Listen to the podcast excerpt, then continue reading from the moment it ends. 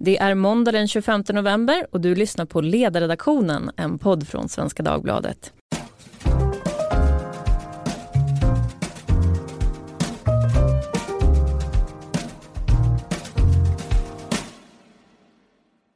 Jag heter Lydia Wåhlsten och idag ska vi prata om att demokraten och New Yorks tidigare borgmästare Mike Bloomberg kan bli den som ställer upp i USAs presidentval nästa år som utmanare till republikanernas Donald Trump.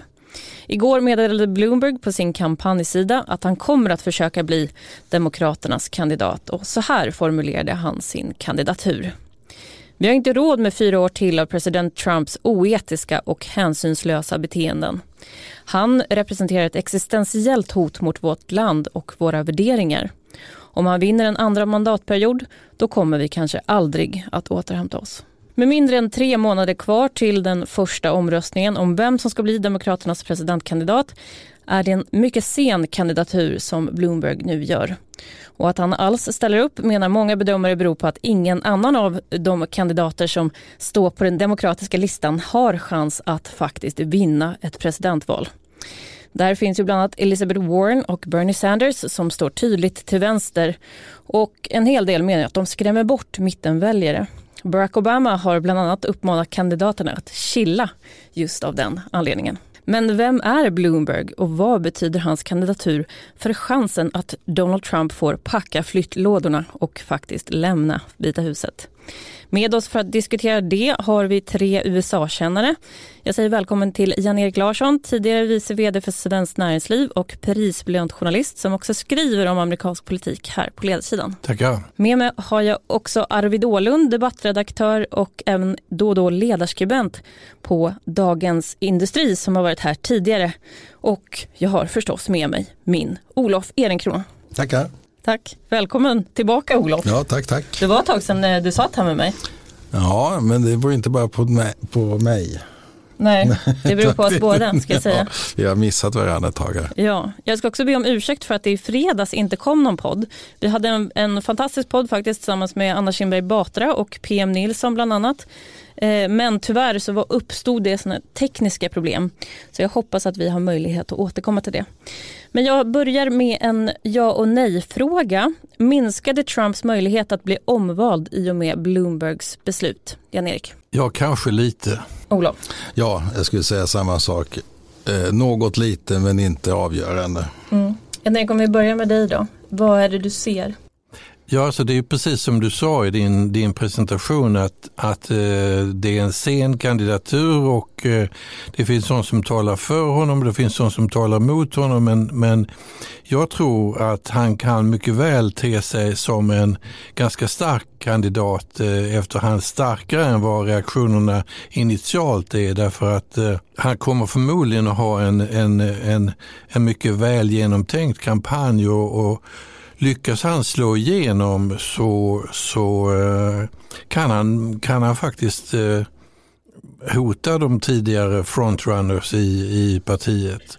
Men eh, det är klart att, att på det här stadiet säga exakt vad som kommer hända är jättesvårt. Men amerikansk politik är alltid fylld av överraskningar. Man, man vet aldrig det, vad som kommer att hända och vad som kan, kan påverka utvecklingen. Men, men Obamas varning till demokraterna att de ska komma ihåg att det viktiga är inte att hitta på radikala egna idéer utan att det handlar faktiskt om att ersätta Trump i Vita huset.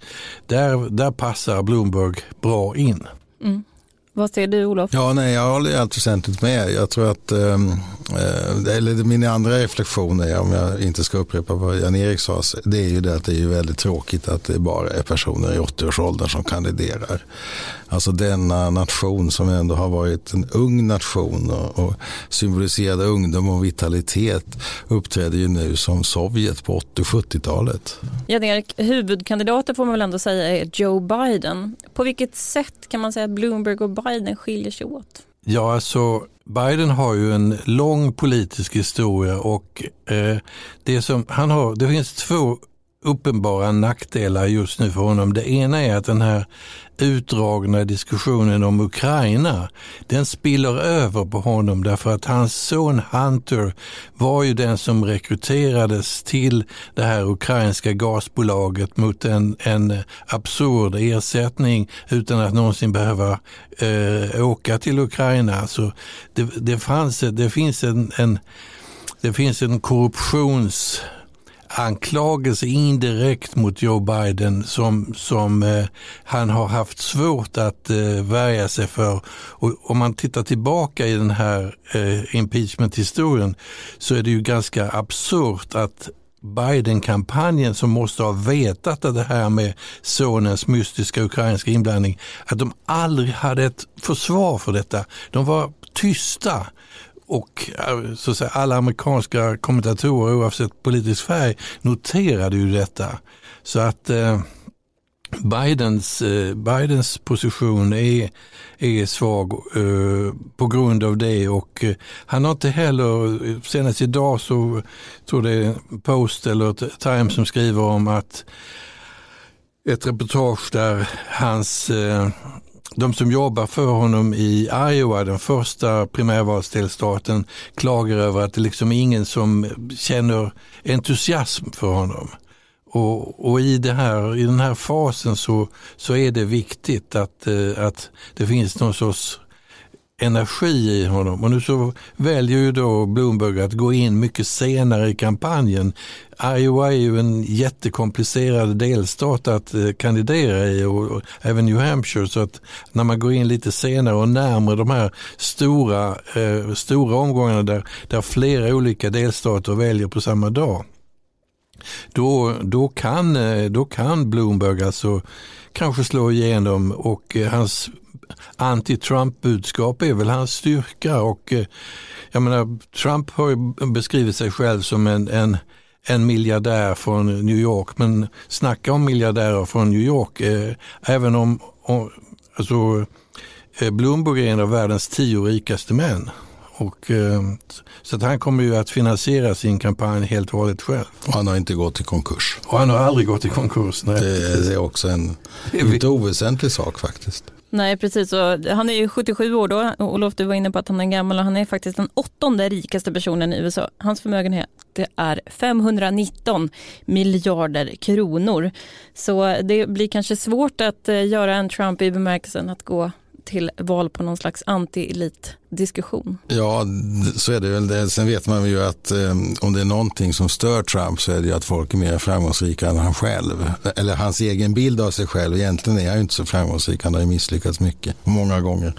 Men, eh, men visst, jag tror att Blomberg på det viset kan vara rätt jobbig för honom att hantera. Men eh, eh samtidigt så är han ju inte han har ju ingenting av, av Trumps brutalitet eh, i, i, i, i kampanjtermer. Och, och, Trumps brutalitet fungerar ju. Alltså han har ju han har tagit över hela det republikanska partiet. Han har ju starkare stöd nu i republikanska partiet än han har haft någonsin och starkare än vad jag vet att någon egentligen, det ska möjligen vara Reagan på, på sluttampen som hade det. Mm.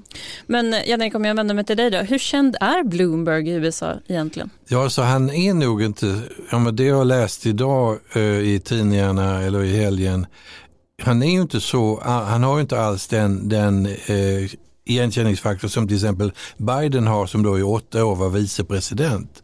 Så att eh, han, han är ju jättekänd då i New York och i den delen av, av landet men han är ju inte någon person som, det är ju ett jätteland och han har ju inte, mm, han har ju säkert ingen, inget eh, spontant det är inget som man identifierar honom med längre bort mer än att han då är, är en New Yorkare och eh, det är ju inte Mm, populärt. Det är som att vara stockholmare i Sverige. Arvid, jag såg att du också hade ställt den här frågan på Twitter just om hur känd Bloomberg egentligen var.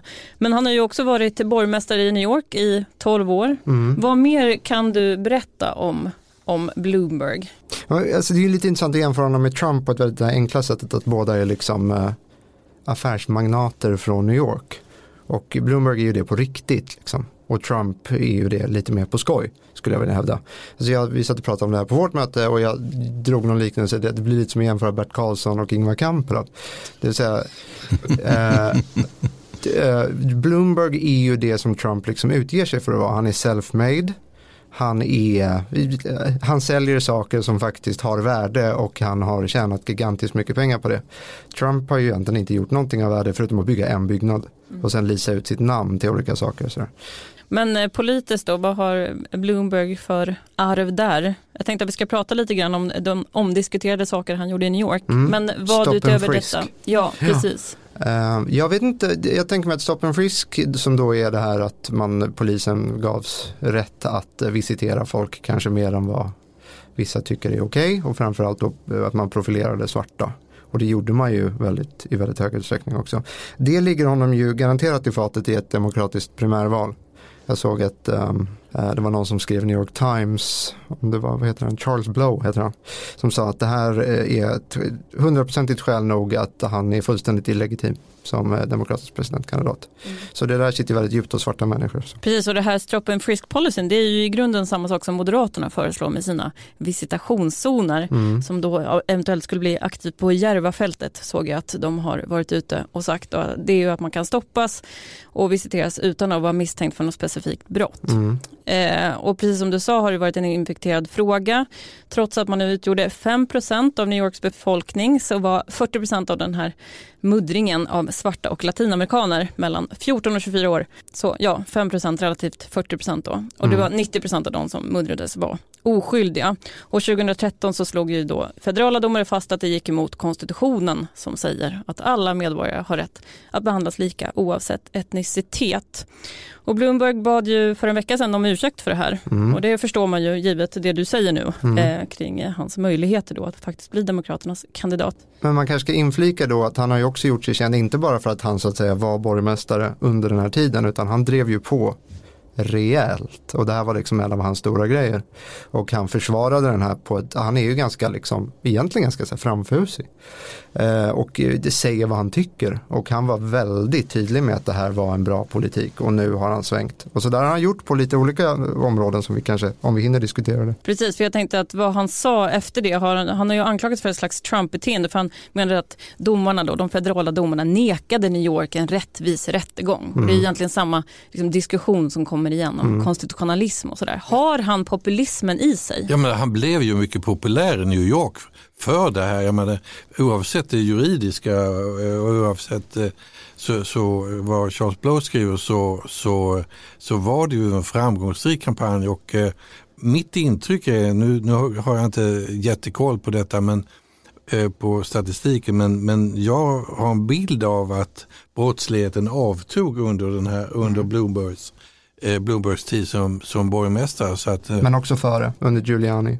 Och efter också, man slutade ja. med den här stop and frisk policyn. Men... Det var väl Giuliani som började med nolltolerans om jag inte ja, missminner mig.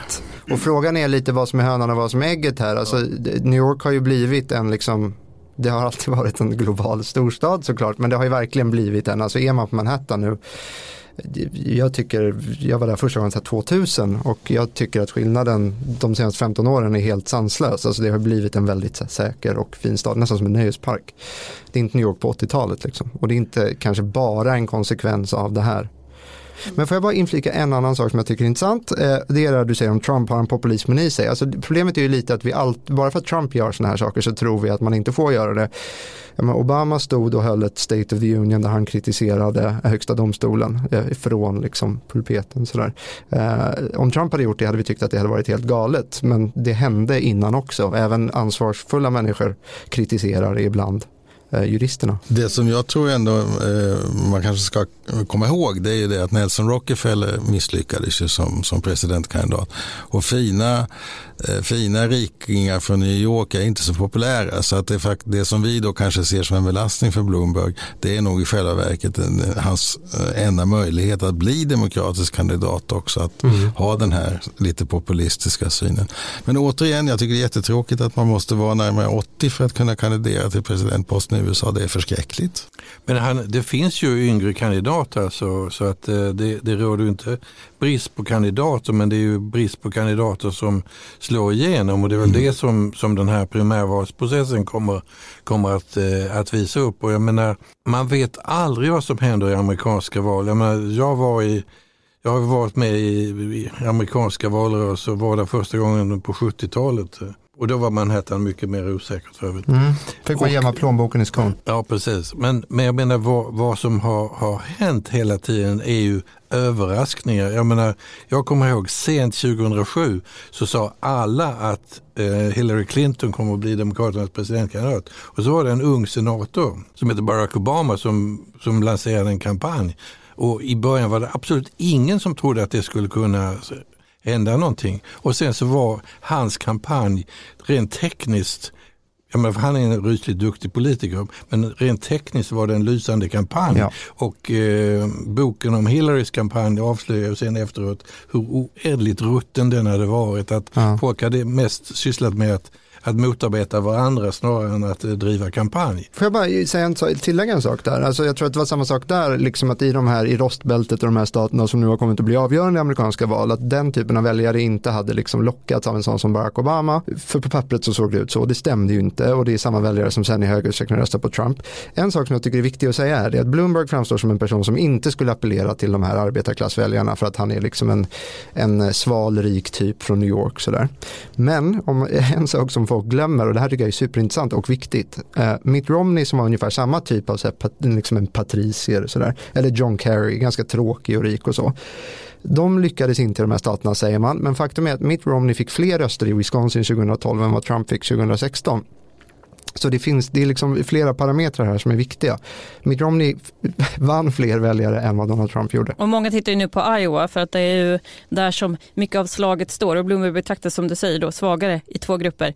Vita som saknar universitetsutbildning och icke-vita som man skriver i amerikansk press som man nog inte skulle skriva i svensk press. Mm. Men vi måste tyvärr jäkta vidare och då är ju min slutgiltiga 10 000 kronors fråga är att eh, presidentvalet går av stapeln 3 november nästa år. Vem kommer att vinna? Någon. Någon kommer att vinna. Kommer det bli Donald Trump? Det kan man absolut inte utesluta. Jag, jag, jag sa 2015 på hösten när alla sa att eh, Trump var fullständigt omöjlig som kandidat så skrev jag i det fina tidningen Svenska Dagbladet på min blogg att tänk på att han kan bli president. Ja. Och det fortsatte jag med ända till, eh, till valdagen. Att, eh, för att det är så många faktorer som är uppe. Det är ju i delstaterna som man väljer, det är elektorerna och så vidare. Så att, ja, vad som helst kan hända. Jag ska, det tråkiga svaret som jag ger är att Joe Biden vinner. Och anledningen till att jag säger det är att jag tror att det finns någon sorts liknelse med McCain 2008. Liksom, att man vill tillbaka till något normalt. Det är en ganska dålig liknelse eftersom McCain sen förlorade mot Barack Obama. Men eh, jag tror att folk vill tillbaka till någonting som känns någorlunda tryggt och normalt. Jag hoppas det i alla fall. Olof? Ja, jag upptäckte faktiskt Trump redan i slutet på 90-talet och frågade mina demokratiska vänner i, i, i um, det fåtal som jag faktiskt har i demokratiska partiet i Washington. Och de sa nej, nej, nej, det är bara en meningslös byggare, han klarar inte av det där. Eh, jag är ju väldigt orolig för att han faktiskt vinner. Eh, vinner på sin brutalitet och på det faktum att republikanerna har tyvärr blivit ett ett väldigt egendomligt parti. Fyllt av religiösa vanföreställningar och politisk extremism. Så våran spaning från dagens podd är alltså att vi kommer se Joe Biden gå upp i matchen mot Donald Trump.